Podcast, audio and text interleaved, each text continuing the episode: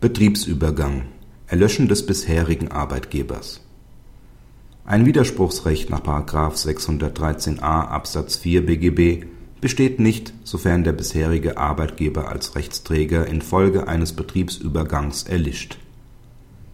Der Arbeitnehmer ist bei einer GmbH und Co. KG angestellt.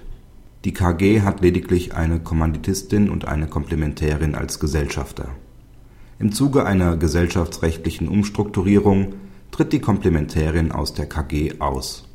Damit hört die KG auf zu existieren. Sämtliche Aktiva und Passiva gehen mit dem Austritt im Wege der Gesamtrechtsnachfolge auf die Kommanditistin als verbleibende Gesellschafterin über. Die Beschäftigten der KG werden vor dem Wirksamwerden der Umstrukturierung gemäß § 613a BGB über den Übergang ihres Arbeitsverhältnisses auf die Kommanditistin informiert. Der Arbeitnehmer widerspricht zunächst dem Übergang seines Arbeitsverhältnisses auf die Kommanditistin.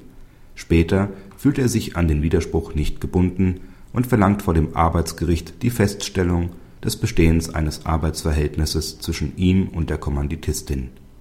Nach Auffassung des BAG ist der ausgesprochene Widerspruch gegenstandslos und die Klage demzufolge begründet das Arbeitsverhältnis ist im Wege einer gesellschaftsrechtlichen Gesamtrechtsnachfolge auf die Kommanditistin übergegangen, da das ursprüngliche Gesellschaftsverhältnis der Gesellschafter der KG durch das Ausscheiden der Komplementärin durch Konfusion endete.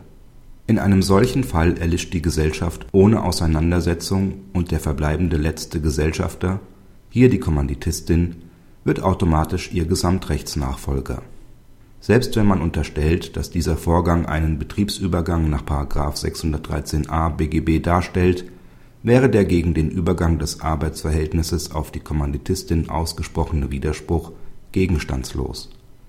Die gesetzliche Bestimmung über das Widerspruchsrecht gemäß § 613a Absatz 4 BGB ist insoweit teleologisch zu reduzieren ein Widerspruchsrecht besteht in allen Fällen nicht, in denen der bisherige Arbeitgeber durch gesellschaftsrechtliche Gesamtrechtsnachfolge erlischt. In der Literatur wird zwar überwiegend die Auffassung vertreten, dass der Widerspruch in einem solchen Fall quasi als fristloses Lösungsrecht ausgeübt werden könne, in der Zusammenschau mit der klarstellenden Gesetzesregelung in § 613a Absatz 3 BGB, nach der ein durch Umwandlung erloschener Rechtsträger nicht mehr haftet ist jedoch davon auszugehen, dass der Gesetzgeber in derartigen Fällen stillschweigend auch von einer mangelnden Widerspruchsmöglichkeit ausgeht, selbst wenn dies in § 613 Absatz 6 BGB nicht ausdrücklich normiert ist. Der Arbeitnehmer wird dadurch auch nicht unbillig belastet. Das Erlöschen des bisherigen Arbeitgebers stellt einen wichtigen Grund im Sinne von § 626 Absatz 1 BGB dar und berechtigt den Betroffenen somit zu einer fristlosen Kündigung, sollte er sein Arbeitsverhältnis nicht mit dem neuen Arbeitgeber fortsetzen wollen. Praxishinweis Mit der Entscheidung schafft das BAG Klarheit hinsichtlich einer wichtigen und bislang ungeklärten Frage. In der praktischen Konsequenz macht es freilich keinen großen Unterschied, ob man von einem automatischen Erlöschen des Arbeitsverhältnisses infolge eines Widerspruchs oder von einem Recht zur fristlosen Kündigung des Arbeitnehmers ausgeht. In beiden Fällen hat es der Arbeitnehmer letztlich in der Hand, sein Arbeitsverhältnis ohne Einhaltung der ordentlichen Kündigungsfrist zu beenden. Allerdings weist das Gericht darauf hin, dass ein ungültiger Widerspruch nicht automatisch als außerordentliche Kündigungserklärung ausgelegt werden kann.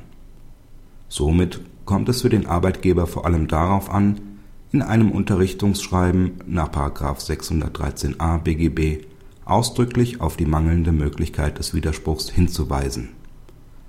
Nur in diesem Fall lassen sich dennoch erklärte Widersprüche als außerordentliche Kündigung deuten